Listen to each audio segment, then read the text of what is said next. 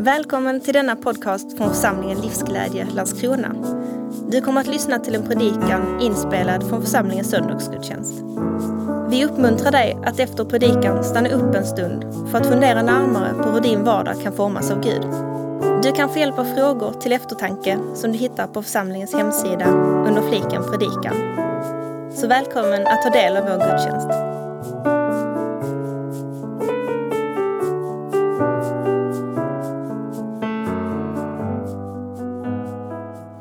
Hej allesammans. Uh, Viktor heter jag då. då. Uh, och jag är son till pappa höll jag på att säga, men eh, son till Magnus där. Uh, så jag är missionärsbarn, uppvuxen, delvis uppvuxen i Mongoliet och Turkiet, men också Sverige såklart. Just nu så bor jag nere i Lund och studerar teologi där. Så, men väldigt roligt att få vara här också första gången i Landskrona faktiskt. Så det är väldigt kul. Um, I Johannes evangeliets 20 kapitel så kan vi läsa om att Jesus kommer till sina lärjungar eh, efter att han har uppstått och säger bland annat till dem att som Fadern har sänt mig sänder jag er. Eh, därefter sa han åt dem att ta emot helig ande och gav dem mandat att förlåta och binda. Eh, och eftersom vi sitter här idag eh, så kan vi se att lärjungarna tog denna sändning på allvar. Eh, I början av Apostlagärningarna, som är en bok i Bibeln om hur eh, de första kyrkorna blev till och hur de växte, så säger Jesus till lärjungarna att ehm, de ska vittna om honom vid jordens yttersta gräns. Eh, och för dem så var Skandinavien, Sverige, absolut jordens yttersta gräns. Om inte till och med längre bort, än, alltså utanför yttersta gränsen. Ehm, så, så vi kan absolut säga att de lyckades. Eh, och nu är det vår tur att delta i Guds mission och bära det här arvet och, och traditionen som vi har från 2000 år tillbaka och längre. Eh, som många av er nog vet så var den första, eh, de första kristna bara en liten nischad gruppering bland judarna. Så de var alltså fullt ut judar som också trodde att Jesus var Messias och Guds son.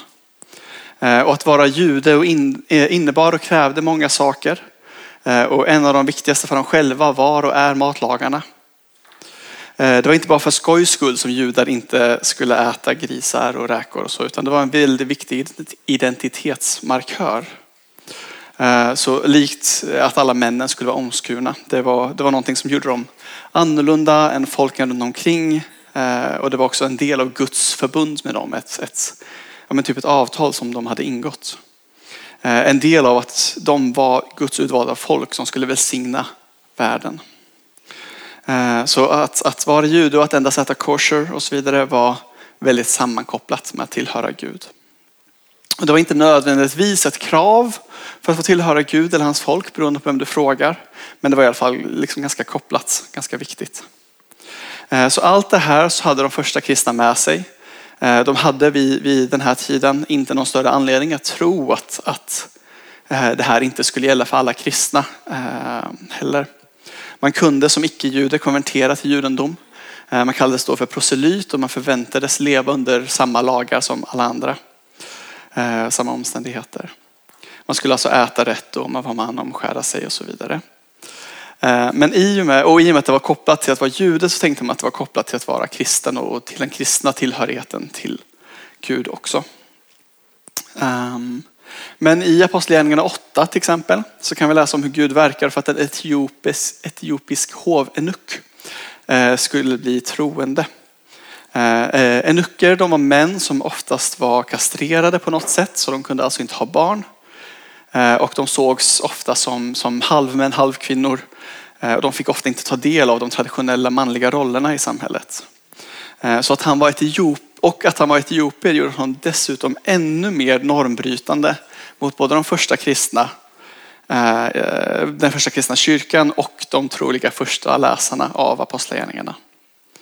Ehm, så eftersom Etiopien och etiopierna ofta framställdes och målades upp som det ytterst annorlunda mot till exempel romarna eh, det var Roms fiende liksom. Och något man inte gärna vill associera med.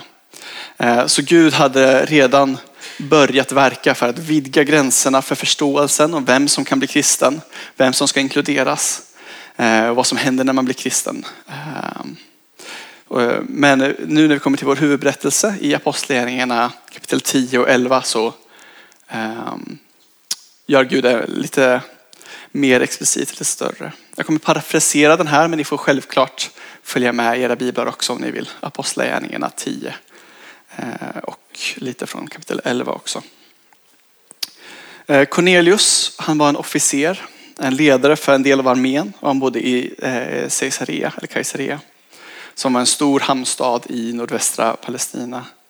Han var inte en jude själv men han trodde på Javé, alltså eh, judarnas gud. Eh, och han levde gott, han bad ofta eh, och han gav ofta gåvor till judarna och till synagogan. Eh, en dag på eftermiddagen så såg han tydligt i en syn hur en ängel kom till honom och sa Cornelius. Cornelius blev skrämd och frågade, vad vill du herre? Ängeln svarade, dina böner har stigit upp till Gud Eh, som en påminnelse om dig. Skicka nu några av dina män till staden Joppe för att hämta en man som kallas Petrus. Han bor hos en lädermakare som heter Simon nere vid havet. När ängeln var borta kallade Cornelius till sig två av sina tjänare och ett militärsändebud som också han var en god man. Och han berättade allt för dem och skickade dem till Joppe. Dagen efter, eh, medan Cornelius män fortfarande var på väg till Petrus, så gick Petrus upp på taket eh, hos den här lädermakaren Simon då, eh, för att be. Och han bad och bad och bad så länge att han blev hungrig. Men medan maten förbereddes så hamnade Petrus i en, en hänryckning. Något, ja, men ett annat tillstånd liksom. Och han såg eh, typ hur himlen öppnades upp och det sänktes ner något eh, som liknade en stor bordsduk. Eh, och den hängde i liksom fyra hörn, sänkte sig ner till jorden. Och i den, eller på den duken, så fanns alla markens fyrfota djur och kräldjur och himlens fåglar. En röst sa till honom, Petrus, slakta och ät. Och Petrus svarade, nej, nej herre, jag har aldrig ätit något oheligt eller orent. Eh, då hörde han för andra gången en röst. Vad jag gjorde till rent ska inte du göra orent. Och det här hände tre gånger och sen lyftes duken eh, upp till himlen igen. Medan Petrus grubblade på vad det här kunde betyda så kom männen från, eh, som Cornelius hade skickat. De frågade sig fram till Simons hus och ropade efter Petrus när de kom fram. Medan Petrus funderade på betydelsen av synen Eh, så sa anden till honom, här är tre män som söker dig. Eh, gå genast ner och tveka inte att följa dem. Eh, det är jag som har sänt dem. Så Petrus gick ner till männen och sa att han var de de sökte. Och han frågade varför de hade kommit dit. Då förklarade de vem Cornelius var och att han var mycket omtyckt av alla i den judiska befolkningen. Och de berättade att en ängel hade bett Cornelius kalla på Petrus och lyssna på vad Petrus har att säga. Eh, efter en natt så gav de sig iväg till Cornelius eh, och tillsammans med några, eh, tillsammans med några andra kristna från Joppe.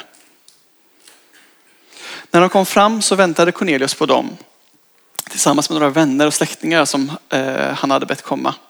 Och innan Petrus ens hade kunnat kliva in i huset så slängde sig Cornelius mot Petrus fötter för att visa en stor respekt och vördnad. Och då sa Petrus, stig upp, jag är också bara människa.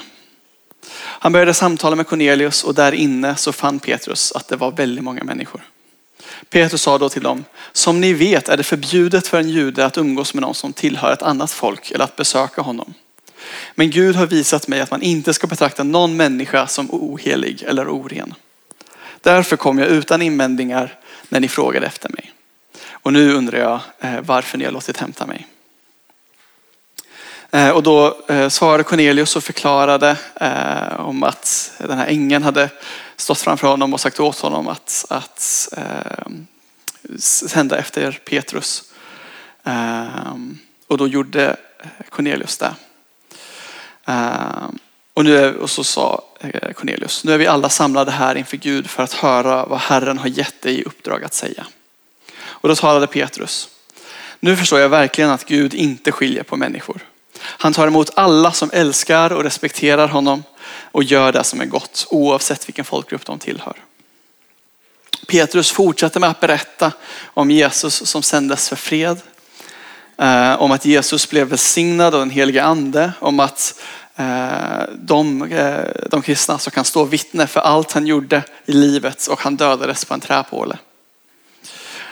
Han var inte fortsatt död utan uppväcktes av Gud på den tredje dagen eh, och lät honom visa sig för eh, några vittnen. Eh, han, Petrus berättade också om att Jesus hade gett vi som skulle bli kyrkan i uppdrag att gå ut och berätta de goda nyheterna om friheten genom Jesus. Innan Petrus hade talat färdigt så föll den heliga ande över alla som lyssnade på honom. De kristna judarna som hade följt med Petrus blev förvånade när den heliga andens gåva kom också över hedningarna. De hörde hur icke-judarna talade med tungor och prisade Gud eh, och avslutningsvis frågade Petrus. Vem kan hindra att dessa blir döpta med vatten eh, in i kyrkan nu när de har tagit emot den heliga anden precis som vi?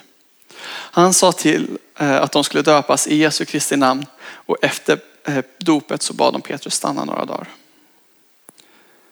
Sen kom Petrus tillbaks och han åkte till Jerusalem och när han kom dit så ifrågasatte de kristna i Jerusalem eh, liksom han ifrågasatte eh, Petrus för att han hade besökt och ätit med de oomskurna. Och Petrus förklarade då allt som hade hänt eh, och de lugnade sig och prisade Gud och sa så har Gud gett också hedningarna möjlighet att omvända sig och få liv. Eh, visst är det fantastiskt? Eh, som jag har nämnt så var de här tillhörighetslagarna väldigt viktiga. Ni märker ju det i hur Petrus reagerade på bordsduken, hur de kristna i Jerusalem reagerade på att han ens hade ätit med omskurna män. Men notera också hur glada de blir och att de prisar Gud när de förstår att kraven för att tillhöra Gud var lägre än de tidigare hade trott. De längtar efter att kyrkan ska fyllas eh, med icke-judar också. Och som vi ser i resten av apostlagärningarna, men också världshistorien, så är det precis det som händer. Eh, alla som tror att Jesus är Gud tror det för att eh, andra har berättat det för dem. Eh, även personer som Paulus eller som vi hörde nu Cornelius som fick en direkt uppenbarelse fick också undervisning och hjälp angående Jesus. Även den etiopiska hovenucken sa när han läste ur gamla testamentet, hur ska jag förstå om ingen förklarar för mig? Gud har valt att använda sig av människor, av kyrkan, för att folk ska komma till tro på Jesus. Jag vet inte riktigt varför Gud har valt det här sättet. Ehm, det är Guds mission och Gud kan göra precis hur Gud vill. Men jag tror inte att det är för att det är den mest effektiva vägen kanske. Ehm, men det kan kanske ha att göra med att Gud vill ha relation med oss. Gud väljer ofta den mest relationella vägen. Eh, Guds mission är såklart också så mycket mer än att bara dela med sig om vår tro. Eller det är inte så bara, men att dela med sig om vår tro, även om det är en väldigt viktig del av det. Eh, författaren till andra Korinthierbrevet skriver i kapitel 5, vers 14 och 15. Eh, Kristi kärlek lämnar mig inget val, ty jag har förstått att om en har dött för alla, så har alla dött. Och han, alltså Kristus, har dött för alla. För att de som lever eh, inte mer ska leva för sin egen skull utan för honom som dog och uppväcktes för dem. På grund av Jesu kärlek är vi skyldiga att älska världen omkring oss. Och jag tror inte att det är menat som liksom någonting tvingande eller betungande. Utan jag tror det handlar mer om tacksamhet till Gud och för de som har gått före. Och en glädje som blir mångdubblad när den delas. Hur kan vi då finnas för och, och, och, och hur kan vi älska världen? En sak som ni kanske märkte eller tänkte på var att Gud skickade en ängel till Cornelius först. Eh, och det är som sagt Guds mission. Det är Gud som älskade världen först. Eh, och Gud bjuder in oss att delta i det. Och jag tror att en väldigt viktig nyckel är för att vara öppen för att bli överraskad om vilka gränser Gud kan vilja att man korsar. Gränser kan absolut vara något tryggt och någonting bra. Eh, men det kan också vara förtryckande och ibland onödigt begränsande. Eh, notera dock också att Gud även förberedde Petrus innan Cornelius män kom fram till honom. Han gjorde det möjligt för Petrus att se att de gamla gränserna inte gäller längre. Eh, när jag var i missionärsbarn i Turkiet eller tonåring eh, så hade jag ganska många fördomar om, om svenska ungdomar. Eh, jag trodde att de mest liksom söp och låg runt och, och var i min mening liksom generellt syndiga. Eh, men det var först när jag började lära känna flera av dem, när, jag, när vi flyttade till Sverige och, och gick i liksom svensk gymnasie, eh, som jag märkte att Eh, dels så är det absolut många som, som inte gör det. Och även om de personer som gillar att, att eh, supa eller ligga runt är helt fantastiska.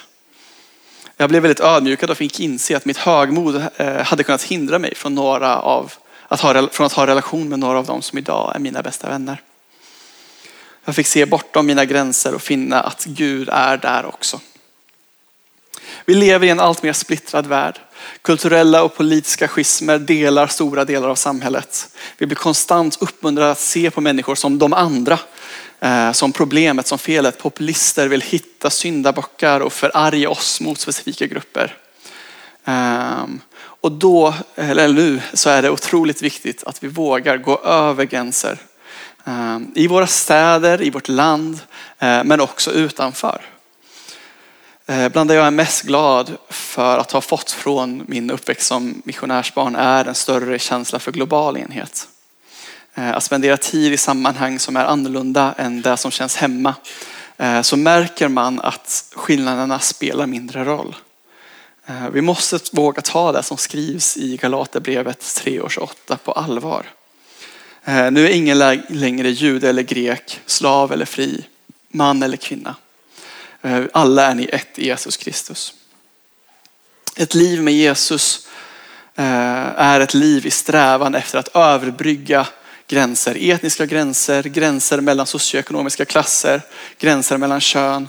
Eh, och, och, och hela den bibliska historien pekar mot en större enhet. Så för att sammanfatta lite. Gud vill finnas bland alla. Gud vill att alla ska få höra till honom. Gud vill jobba med, med oss för att uppnå detta. Och Gud har jobbat med oss för att uppnå detta. Eh, att vi har fått den otroliga gåvan som är vår tillhörighet i Guds folk är tack vare att Gud och kyrkan har delat med sig av det. Eh, det är en gåva som bara blir bättre ju mer den delas. Eh, Gud kallar oss till att älska alla på grund av Kristi kärlek. Gud kallar oss till att inte låta tidigare gränser begränsa och hålla tillbaka. Gud förbereder både oss och de som vi går ut till för att älska. Ehm, för att avsluta, bara några praktiska saker som man kan göra om man känner att det här resonerar. Ehm, det enklaste och det första, ehm, och det är inte alltid enkelt, men det är att be. Att be för mod och styrka och nåd och vishet hos dig själv för att överskrida gränser.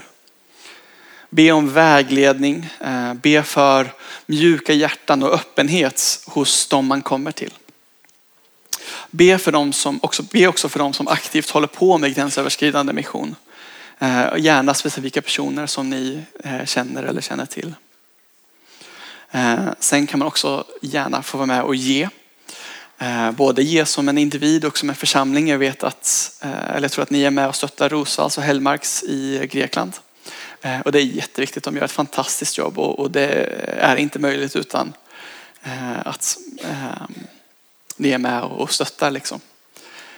Ehm, och så om ni är med och ger till den här församlingen så ger ni också till att till exempel kvinnor som har varit fasta eh, eller ehm, på väg in i människohandel eller prostitution får andra sätt att försörja sig och klara sig. Liksom. Eh, men be och fundera över om du som person eller familj eh, eller även om ni som församling kan vara med och ge mer. Ehm, det är alltid något att be om eller be över. till sist vill jag också uppmuntra er alla att prata med Gud och prata med andra, kanske i er församling här eh, eller i EFK eller vem som helst om vilka gränser Gud kallar dig till att överskrida. Vilka fördomar bär du på som härdar ditt hjärta, som hindrar relationer från att byggas? Vilka personer finns i er närhet men saknas eh, här i er församling? Hur kan man nå ut till dem? Hur kan man göra så att de känner sig ännu mer välkomnade och uppskattade i er närhet? Ehm, vad, kan man, vad kan vi göra eh, för att bära på det här arvet idag? Det finns också några ehm, blad och sånt som man kan kolla på om vad EFK gör och hur man kan engageras om man vill gå ut själv och testa på olika saker eh, på bordet där bak. Glöm inte att Gud älskar er. Tack.